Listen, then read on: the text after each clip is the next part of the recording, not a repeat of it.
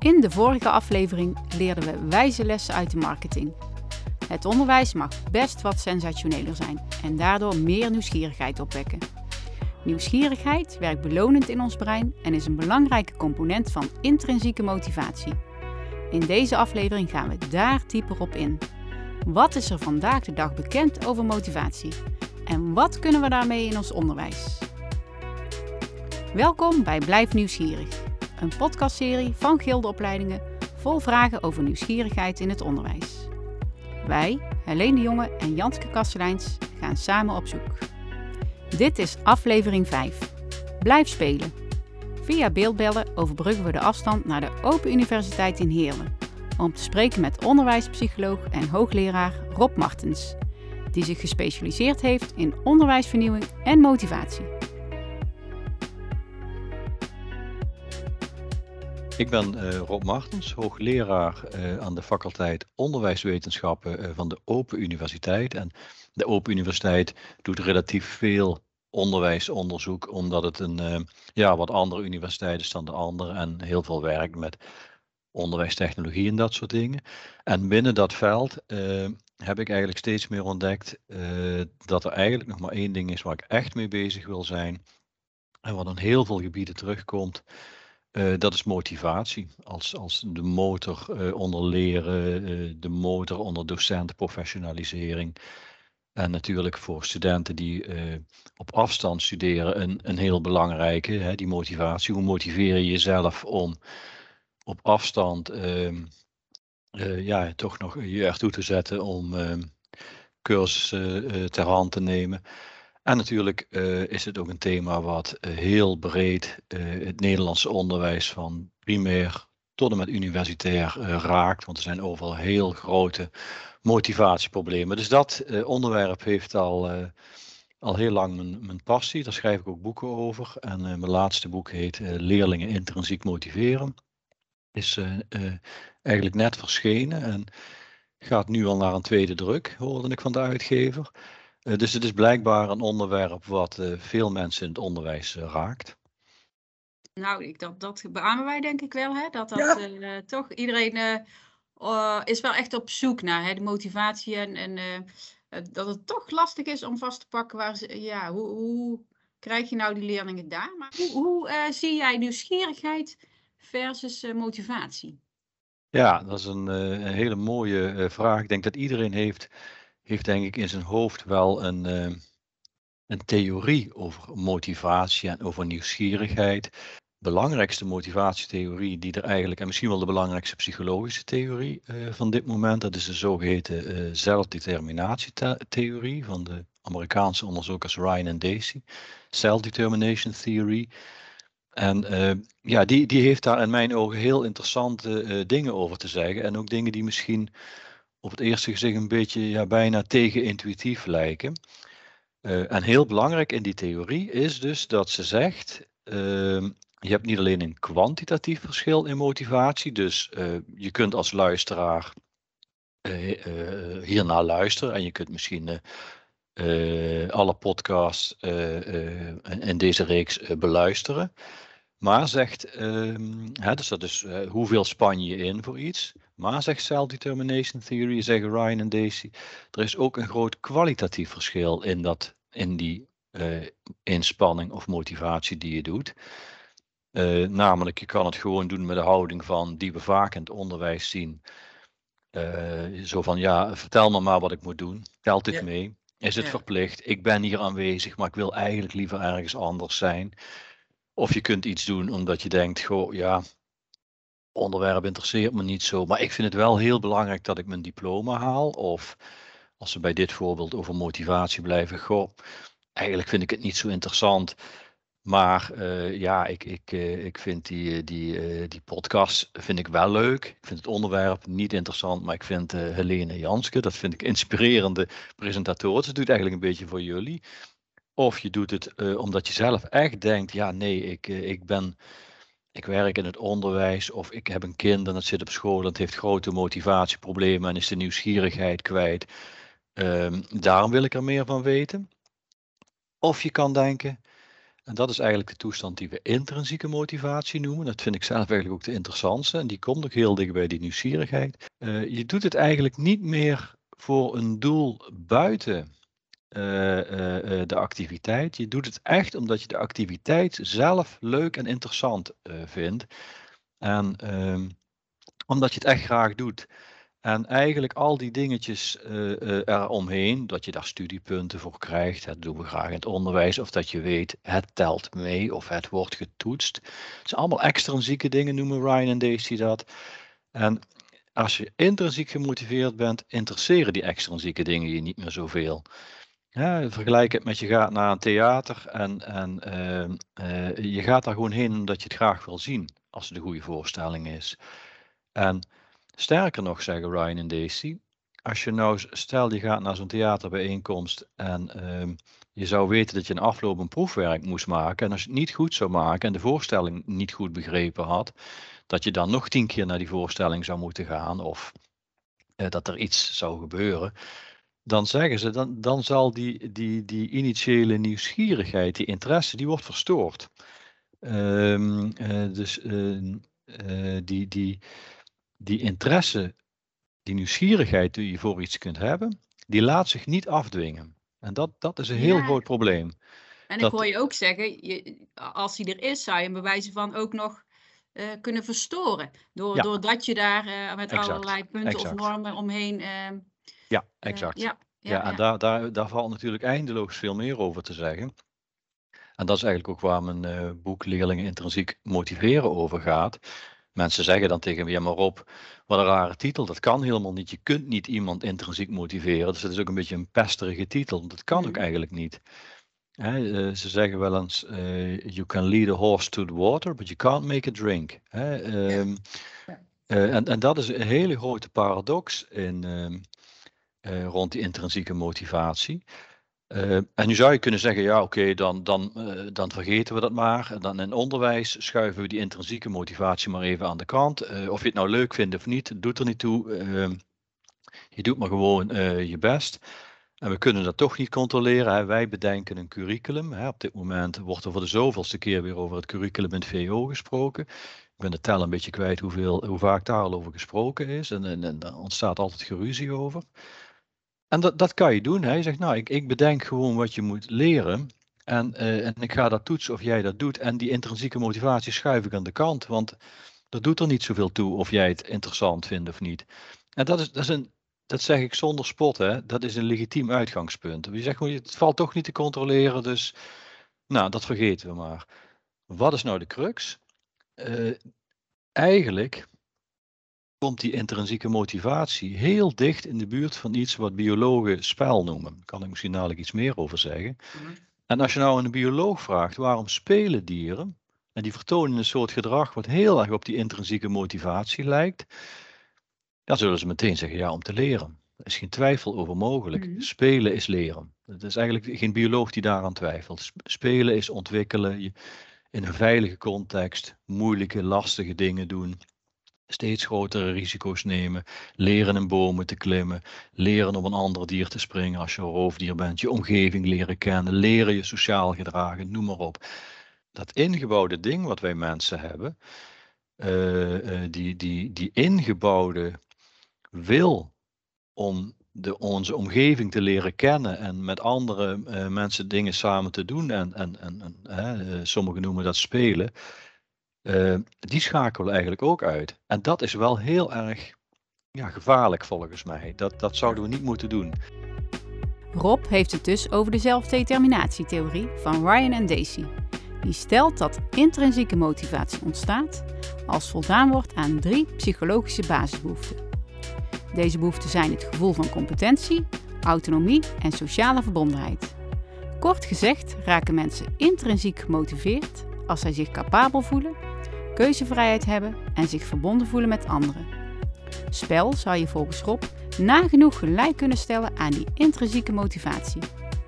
We vragen Rob waarom er zo weinig gespeeld wordt binnen het onderwijs. En eigenlijk als je naar onderwijs kijkt, zoals wij het nu hebben ingericht, is dat eigenlijk één grote controlemachine. Dat is eigenlijk, dat hangt aan elkaar met de beste bedoelingen. Hè? Er is niemand die hmm. denkt, uh, ik ga die motivatie eens lekker verpesten.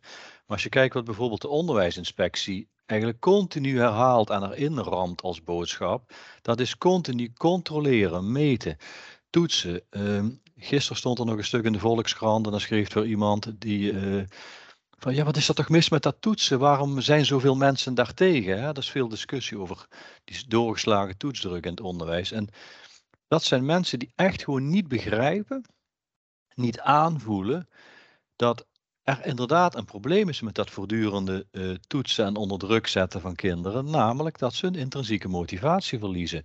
En dat dat, hè, niemand denkt, uh, nu ga ik iedere dag ga ik een toets afnemen en daarmee ga ik de, de motivatie van die kinderen verpesten. Natuurlijk niet. Maar ze zien niet wat ze eigenlijk onbedoeld aan het doen zijn, is door dat voortdurend die druk op kinderen te zetten, dat die kinderen gaan denken, hé, hey, wat ik zelf interessant vind of wat ik belangrijk vind, dat doet er blijkbaar niet toe. Want dag in, dag uit wordt mij exact verteld wat ik waar, wanneer moet doen. En uh, um, of ik ja, zelf sterker liever... nog, denk ik, hoe, hoe erger je kinderen weg ziet zakken in de motivatie, hoe sterker die neiging nog wordt om die, om die brokjes nog krapper te maken. Exact, exact. we, we, we, gaan dan inderdaad zeggen, ik zat vanochtend nog een stuk in de, uh, in de krant te lezen van een, uh, een jongen die uh, professioneel freerunner is geworden. En die had dan blijkbaar op school de grootst mogelijke problemen en was geclassificeerd als ADHD. En ehm, en uh, hij vond er helemaal niks aan, kon niet stilzitten. Dus uh, ze zeiden allemaal, ja, die jongen heeft dus een probleem. Er is iets mis met die jongen. Misschien moet hij zelfs wel pilletjes. Tot je op een gegeven moment een soort... Uh, ergens iemand zag die met dat freerunning bezig was. En hij kreeg een soort kortsluiting in zijn hoofd. Ik dacht, wauw, dit is wat ik wil. En wat ik grappig vond in het interview, is dat hij aangaf ja, daarna was ik eigenlijk mijn ADHD-problemen was ik ook kwijt. Uh, want er wordt dus altijd gezegd tegen zo'n jongen, eh, het zijn zeker niet alleen jongens die, uh, die intrinsieke motivatie verliezen in het onderwijs, maar er wordt eigenlijk altijd gezegd, ja, dan, dan heeft die jongen een probleem, die kan dan niet plannen, die moet ik leren zichzelf te reguleren. Maar wat mij altijd verbaast is als je jongens bezig ziet met iets wat ze wel willen, wat ze interessant vinden, gaat dat reguleren vanzelf. En dan kunnen ze het wel heel goed. Dus uh, uh, de, de reflex is inderdaad om als dat misgaat, gaan we nog meer druk zetten en nog meer pushen met de beste bedoelingen. En eigenlijk is het het paard achter de wagen spannen. Maar het is ook heel erg gefocust op uh, cognitie, hè, denk ik. Ja. Want alle andere talenten van kinderen tellen niet mee. Zo'n ja. zo jongen kan sportief super begaafd zijn. Maar dat is niet interessant. Uh, net ja. als creativiteit of sociaal begaafd zijn. Of, of het gaat om weten en kennen ja. en meten. Ja, exact. En, en ook daar uh, doet zich, ja, dat, dat, dat wordt wel ingewikkeld om, om hier kort uh, uit de doeken te doen hoe ik daar tegenaan kijk, want dat, dat is behoorlijk complex. Maar uh, het, het punt is natuurlijk, ehm, als jij bijvoorbeeld Harry Potter leest als kind, hè, je ziet kinderen die raken ja. eindeloos gefascineerd door dat werk. Mijn eigen uh, uh, nichtje bijvoorbeeld. Na school vond ze niks aan en uh, een beetje langs voor Engels. En die ging die Harry Potter boeken lezen. En, die, en op een gegeven moment vertelde ze me, ja, ik lees ze ook in het Engels. Ja. ja. En het punt wat ik daarmee wil maken is, als jij iets doet uit interesse, je gaat bijvoorbeeld boeken lezen, zelf was ik als jongetje bijvoorbeeld, keek ik heel veel Duitse tv, eh, die Rebellen van Liang Changpo. Dat vond ik geweldig, een geweldige serie. En ik was me er helemaal niet van bewust dat ik Duits aan het leren was. Ja. Ik heb er geen seconde over nagedacht dat ik ooit, tien jaar later, op school proefwerken Duits zou moeten maken. Dat wist ik waarschijnlijk niet eens. Wat je dus uh, heel vaak ziet in dat moeilijk te controleren spel, dingen die je daarin doet, met techniek spelen, met drones spelen, d, uh, dingen uitproberen, is dat je eigenlijk veel meer leert dan we in de gaten hebben.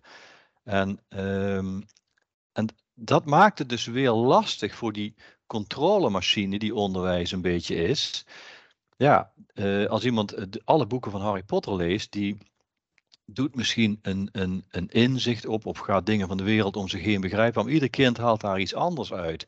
De een die pakt misschien vooral uh, de taal op. De, uh, um, en, en dat is eigenlijk hoe mensen leren en ook hoe slimme dieren leren. En het, het probleem daarvan is, is dat het niet zo heel erg makkelijk past in die mal van directe instructie. Ik vertel jou nu wat je moet weten en dan kom ik over een uur of over een week, ga ik jou toetsen, ga kijken of je dit geleerd hebt of van buiten geleerd hebt. En dat noemen uh, spelonderzoekers ook wel eens latent leren. Dat je eigenlijk, je, je, je doet een inzicht op, maar het laat zich niet zo heel makkelijk meten waar precies hoe, hoe dat zit. Ja. Hey Rob, vertel eens, hoe, uh, hoe was dat toen jij zelf vroeger op school zat? Met jouw nieuwsgierigheid en uh, wat zag je om je heen? Het grootste deel van mijn uh, schoolperiode was, was er een van verveling. En soms ook wel misschien wel van faalangst. bijvoorbeeld toen ik op de HAVO zat, begreep ik helemaal niets van wiskunde. Ik blokkeerde daarop. Ehm, en ehm, ja, uh, dat heb ik toen laten vallen. Toen ging ik naar het ateneem, dat kon toen nog. Uh, zonder wiskunde je diploma halen. Toen ging ik psychologie studeren. Toen moest ik dat inhalen. Ja. En toen had ik het geluk dat daar, dat was dus een van die mensen die, uh, ja, die mij daarin heel erg geraakt heeft. Dat was eigenlijk een jonge vent die zelf wiskunde studeerde. En die gaf van ons onzekere wiskunde, faalangstige, gaf die wiskunde bijles. dat, dat, zodat wij verplicht dat, dat vak inhaalden. Uh, ja, en die wist bij mij uh, de knop om te zetten. En plotseling begreep ik het en snapte ik waar het om ging. En uh, begon ik me competent te voelen in dat vak. En ik weet ook dat hij meteen aan het begin van die verplichte leergang vertelde. Wij zaten dan s'avonds met een, met een man of dertig ergens in een of ander donker schoolgebouw. En hij zei meteen, ja, over die toets aan het einde hoef je niet zo zorgen te maken. Als je gewoon komt, dan krijg je van mij voldoende. En het was net alsof er een, een, ehm, een, een juk van mijn schouders afviel. Ja. En plotseling uh, begon ik te begrijpen, wacht eens even, uh, die wiskunde is niet alleen iets waarin je onbegrijpelijke dingen zit te doen waarvan je A niet snapt waar het voor dient en B ook uh, eigenlijk niet begrijpt wat je aan het doen bent. En plotseling wist hij voor mij het kwartje te laten vallen hoe, hoe, ja, hoe tof het is en wat, hoe mooi het is. En Later heb ik zelf methoden en technieken onderwijs gegeven. En dat, dat is echt door, door één die persoon gekomen. Uh, en zo zijn er meer voorbeelden. Uh, maar helaas waren dus lang, eh, was de meerderheid van mijn ervaringen absoluut niet positief. En heb ik ook al als, als puber dacht ik al, dit kan toch niet de bedoeling zijn dat gewoon de hele klasse hier stierlijk zit te vervelen. En we echt alleen maar iets doen omdat, het, omdat we daartoe verplicht worden. En het andere uh, wat, een, wat een belangrijke rol uh, ja, bij mij gespeeld heeft, is dat mijn ouders een bakkerij hadden. En daar werkten destijds uh, jongens die, um, zeg maar, dat heette toen het ITO, dus eigenlijk de allerlaagste onderwijsvorm hadden. En dat, dat ging vaak een beetje stroef, dat contact met die jongens. Ik werkte daar ook veel in die bakkerij, ook niet altijd op mijn eigen plezier, moet ik erbij zeggen. Dus dat is wat minder romantisch dan het misschien klinkt.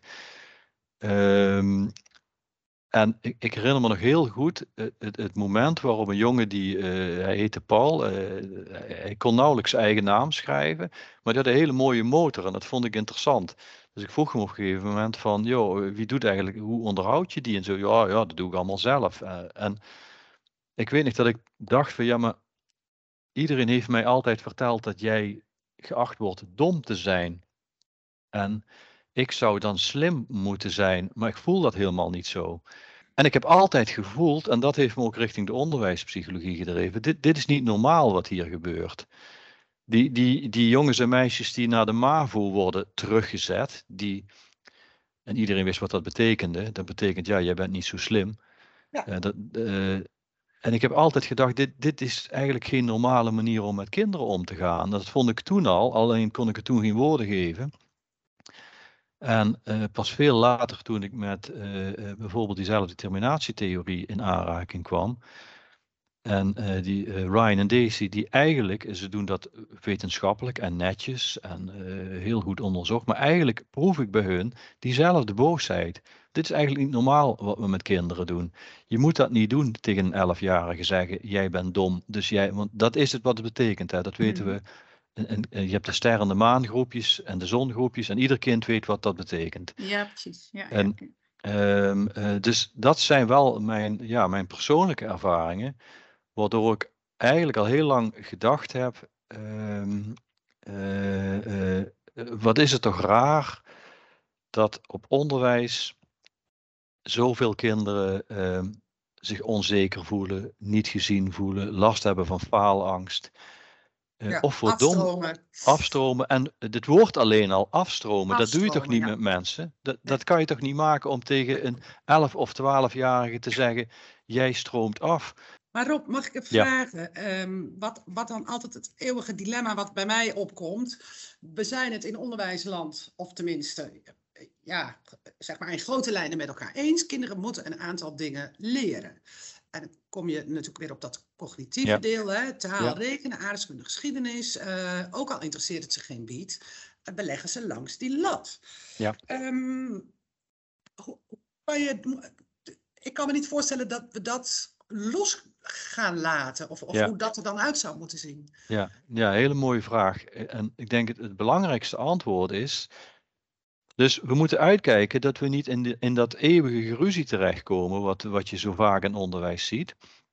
je hebt, laten we zeggen, het kamp van de onderwijsvernieuwers, en ik reken daar eh, Montessori, uh, Dalton-onderwijs, uh, vrije scholen, agora-scholen, democratische scholen, noem maar op. Iedere keer opnieuw zie je die, die kritische beweging ontstaan en dat is al 150 jaar aan de gang. En aan de andere kant heb je ja, de mensen die eigenlijk ja, conservatief vasthouden aan het onderwijs zoals we dat 150 jaar geleden bedacht hebben. En we blijven maar ruzien. En eigenlijk is de oplossing heel simpel het, het gaat niet om zwart of wit. Waar het mij om gaat is niet schaf alle toetsen af, maar verminder die druk. Laat meer lucht het, ruimte, het curriculum instromen. Realiseer je dat als een kind dag in, dag uit met tegenzin naar school komt, en als ik een gemiddelde puber vraag, joh, vertel ons, wat vind je leuk op school?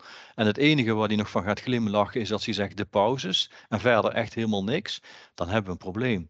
En op dit moment krijgt dat probleem weer veel aandacht. Hè. Ik, mocht uh, twee weken geleden aan een uh, groot artikel het Algemeen Dagblad uh, meewerken. Er stond ook een ingezonde brief van koningin Maxima. Mm En dat gaat er eigenlijk over, in dit geval iets meer nog de meisjes dan de jongens, dat een echt verontrustend grote aantallen jonge mensen op dit moment lijken te bezwijken onder druk. En vaak wordt gezegd, ja, dat komt van social media, waarin ze van alles moeten. Of dat komt, hè, dat zijn de, de post-corona verschijnselen, zeker. Maar het heeft ook te maken met de druk die we op school uitoefenen. Met, dus met antwoorden, uh, Helene, is niet stop volledig met, uh, met toetsen en, en, en, en schaf alle scholen af en gaat helemaal anders doen. Ik bedoel, als je dat wil proberen, mijn zegen heeft het. Maar het antwoord is veel meer, wees je bewust van de kwetsbaarheid van die intrinsieke motivatie.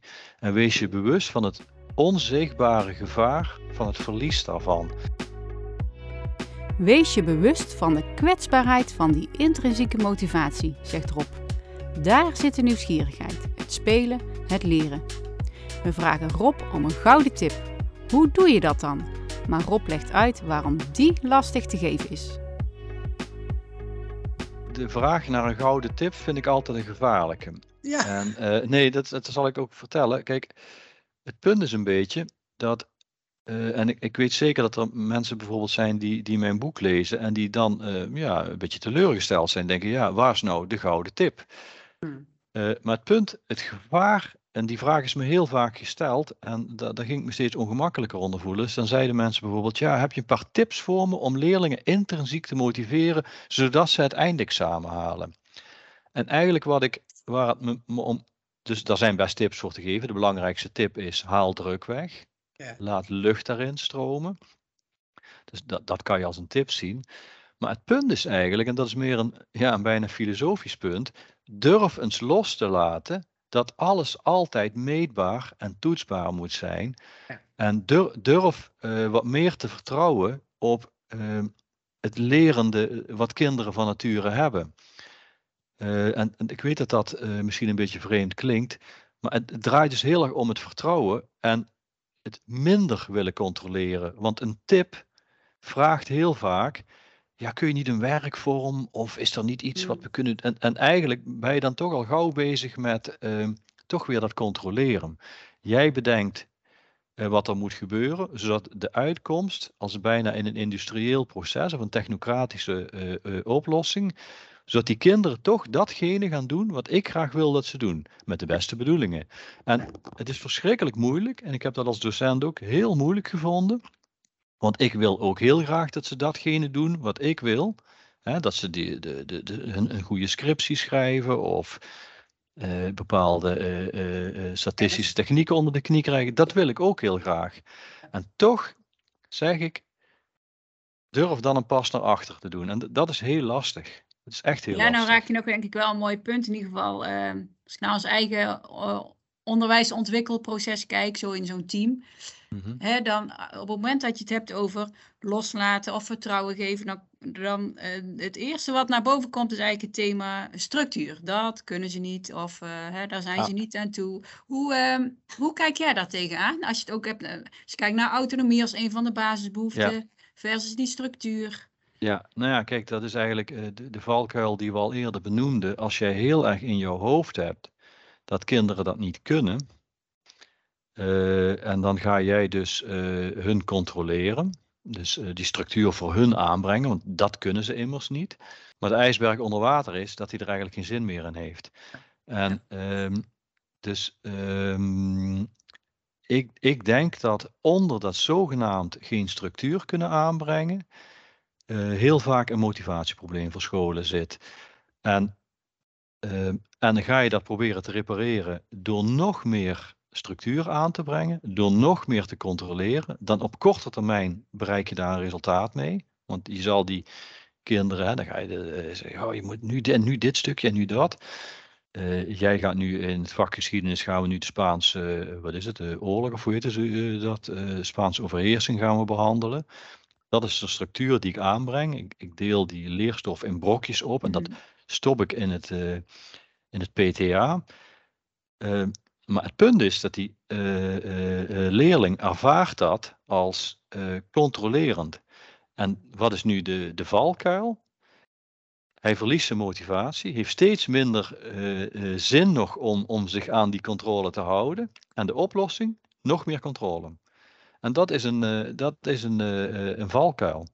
Ja, en, en eh. ergens ook wel een visueuze cirkel. Een en een visueuze, visueuze cirkel, ja, exact. exact. hey, Rob, ja, um, je haalt al aan, hè, 150 jaar uh, vernieuwers die je toch wel zoeken, in de, juist in de hoek toch wel van nieuwsgierigheid, spelen. Um, als dat al 150 jaar uh, zich zo beweegt, hè, en ook echt wel met de nodige succes, hè, ja. Waar blijft dan toch die kanteling? Want op zich de doorbraak. Uh... Ja, heel terechte vraag. Ja? Uh, dat is iets waar ik me ook al, al, al jaren het, echt het hoofd over breek. Je hebt de groep mensen die zeggen bij alles wat misgaat in het onderwijs, zeggen dat komt door de vernieuwingen. Kijk maar eens op Twitter. Het komt door de vernieuwingen. En ik denk alleen maar, ik kan geen tak in de samenleving bedenken waar zo weinig veranderd is als in het onderwijs. Ik kan er echt geen bedenken. Als ik wel eens op de HAVO kom, dan heb ik het gevoel dat ik een tijdreis maak. En dan denk ik echt, als je mij uh, uh, met uitvoerige, uh, hoe heet dat, make-over weer kon laten uitzien als een 15-jarige puber.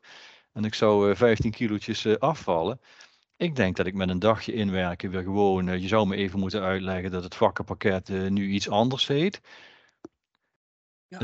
je, kan, je zou het gewoon weer kunnen doen. En wat je ook ziet, dat verbaast me ook erg als kinderen problemen krijgen, jongens vooral gedragsproblemen, meisjes veel klachten van uh, depressie, dan wordt altijd gezegd, het is het kind wat geremedieerd moet worden. Het kind heeft een probleem. Maar heel zelden dat we ons de vraag stellen, joh, maar is het eigenlijk wel zo'n psychologisch gezonde omgeving waar, uh, waar kinderen in zitten? Uh, laten we eens kritisch naar onszelf kijken. En dat bedoel ik ook oprecht, want ik ben ook onderdeel van dat onderwijssysteem. En als ik er al op mopper, mopper ik dus ook op mezelf en ook op de dingen die ik doe. Het gaat me er dus niet om te zeggen het is allemaal fout. De lucht die we denk ik nodig hebben, de, de, de, de, de, frisse lucht die we nodig hebben. En gelukkig is ook dat wel enigszins verruimd. Uh, is het, het, toelaten van experimenten in dat onderwijs. Dus uh, scholen zoals Agora, uh, zouden echt uh, de kans moeten krijgen zich te ontwikkelen. En die, dan moet je ook niet meteen naast staan en staan de hele. Uh, en nu willen we direct toetsresultaten zien. want da daarmee doe je de concepten geen recht. dan, dan ga je eigenlijk hun weer dwingen in dat systeem van controle, toetsing en afsluiting, waar ze juist een beetje van weg willen bewegen. En je zult dus moeten accepteren dat lang niet alles in het onderwijs en lang niet alle effecten die onderwijs heeft, die veel verder gaan dan alleen puur die cognitieve dingetjes die je van buiten moet leren, uh, die, die laten zich niet zo makkelijk meten. En het feit dat ik nu zeg dat ik me nog heel goed kan herinneren wie die jongen was, die, uh, die maar een paar jaar ouder was dan ik, die mij destijds wiskunde bijles gaf. Ik ben destijds nauwelijks getoetst daarvoor. Ik kreeg gewoon mijn certificaat. Dat kan je op dat moment helemaal niet, uh, niet weten. Wat dat uiteindelijk doet bij iemand en uh, hoe dingen uh, in ons hoofd werken. En dat is een soort onzekerheid die we moeten accepteren, die we moeten durven accepteren. En dat vraagt om vertrouwen, dat vraagt om, om vrijheid, dat vraagt om autonomie voor scholen om dingen uit te proberen. Nou ja, de naam Agora valt nu denk ik al voor de derde, vierde keer. Dat is dus een van de redenen waarom ik zo enorm fan ben daarvan. En uh, nog los van het feit, misschien zou ik sommige dingetjes wel anders doen, maar die, die ruimte die gezocht wordt om, om echt iets anders te proberen en daarmee een hoop zekerheid los te laten. Want dat is natuurlijk wat je doet als je die controle op die kinderen begint los te laten. En bijvoorbeeld uitgaat van hun eigen leervragen, die bouw je om naar een challenge waar je het curriculum aan ophangt.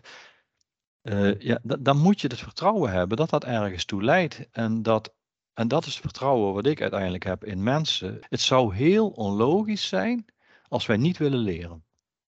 Dat is heel onlogisch. Het ja. is heel raar dat kinderen, jonge mensen voortdurend in klassen en collegezalen zitten en eigenlijk niet willen leren. Niet datgene willen leren wat wij hun zeggen dat ze moeten doen. Als je erover gaat nadenken, is dat heel erg raar. Alsof je een diersoort zou hebben, vogel die niet wil vliegen, die hoogtevrees heeft, of een vis met watervrees, die datgene waarvoor die gemaakt is niet wil doen. Dat is heel raar. En dat, dat, dat betekent, zo kijk ik ernaar, en, en uh, veel evolutiepsychologen, die kijken daarom toch uh, kritisch naar onderwijs. Niet om te bashen, maar om te zeggen, misschien moeten we iets meer vertrouwen hebben in die aangeboren wil te leren, die aangeboren nieuwsgierigheid. En misschien is het wel ondenkbaar dat er kinderen zouden zijn die niet willen leren. Dat bestaat helemaal niet. Dat, dat, dat is heel onlogisch. Ik hoor je eigenlijk ja? zeggen, ja, Natuurlijk wil iedereen leren. Hè? Denk gewoon logisch na maar waar we mee bezig zijn. Um, ja. Jij schrijft daar boeken over, artikelen over. Ik vind ook dat je in dit gesprek uh, het heel erg uh, basic maakt. Hè? Van denk gewoon logisch na. Dus dat ja. vind ik heel helpend. Ik hoop dat deze podcast ook mensen uitnodigt om, uh, ja. om in ieder geval eigenlijk ook wat jij zegt, hè? die zwart-wit discussie. Om die gewoon nou eens anders te gaan voeren. Hè? Ga, ga gewoon... En wat meer, ja, wat meer kleur in, het gesprek te brengen. Wat minder zwart-wit inderdaad. dat zou me wat waard zijn. Ja. Door gewoon eens te beginnen met denk gewoon eens logisch na. Hè, wat zie je eigenlijk voor je ogen gebeuren? Want in die zin, ja. Uh, Dat vind ik een mooi om hier uh, mee af te sluiten. En gewoon lekker blijven spelen. ja. ook uh, ook van jong tot oud, Rob. Ja. Ja. Uh, Rob, je, je, hebt heel erg helder gemaakt, ook, wel ook echt vanuit die zelfdeterminatietheorie, hoe, hoe dat werkt. Voor mij is dat ook wel heel erg helpend om ook dat gesprek te voeren, hè, van, om ook vanuit een soort, ja, hou vast, kijken waar we mee bezig zijn. Je hebt dat heel mooi gedaan. Mag ik jou hartelijk danken, Rob, voor wederom, ja, super boeiend gesprek. Heel en, graag gedaan. Ja, en dank voor, ja, dank voor de kans uh, uh, om dit te mogen vertellen en de interesse voor waar ik mee bezig ben. En ik hoop dat er luisteraars zijn die er iets in, in herkennen. Zeker. Dankjewel. Tot zover Rob over nieuwsgierigheid, motivatie en spel, dat we wat hem betreft veel meer op waarde moeten schatten. Buiten in de zon beschouwen we het gesprek nog even na. Nou, poeh weer een interessant gesprek, hè? Zeker, zeker. Jongen, jongen, jongen. Ik ben altijd zo, dan denk ik... Wat heb ik met mijn leven gedaan? ja, maar bij onder welke steen heb jij gelegen? Waar heb ik gelegen? En waarom kan ik dit niet? ja, ja. jongen, jongen. Hey, leven lang ontwikkelen alleen. Ja, ik, ben, ik heb een andere afslag genomen. Ik vind het zo knap. Ik heb er zoveel bewondering voor. Hij zei natuurlijk ook op het eind, zet die discussie over onderwijs nou ja. niet zo op zwart-wit. Ja, ja ik ben niet tegen scholen, ik ben ook niet tegen leraren. Uh, maar we krijgen het wel voor elkaar om... Nou, dat vond ik wel heel mooi, want hij is best wel uitgesproken. Hij zegt een aantal keren wel heel ferm. Nou, dit ga ik toch even zeggen, toch nog één dingetje. En tegelijkertijd van, hé hey jongens, uh, ga nou gewoon een gesprek met elkaar uh, voeren. Ja. Dit was aflevering 5 van Blijf Nieuwsgierig. Rob noemde een aantal keer Agora. Een school waar het onderwijs volledig vertrekt vanuit de nieuwsgierigheid van het kind. Dat gaan we in de volgende aflevering bekijken. Chef en Matthijs Drummen ontvangen ons in Panningen. Je krijgt juist kennis door de nieuwsgierigheid los te laten en volledige ruimte te geven, dan ontstaat kennis. Kennis ontstaat niet uh, doordat een leraar jou gaat volstoppen, behalve wanneer jij gemotiveerd bent omdat je zegt, ja ik wil later architect worden en je bent een jaar of 15 en dan wil je nog meer natuurkunde hebben. En dan is het heel handig om met iemand te praten die dat heel goed kan. Deze podcast werd gemaakt door ons. Helene de Jonge en Janske Kasteleins voor Gildeopleidingen. Eindproductie was in handen van Willem van Vullings Media. Speciale dank deze aflevering voor onze gast Rob Martens.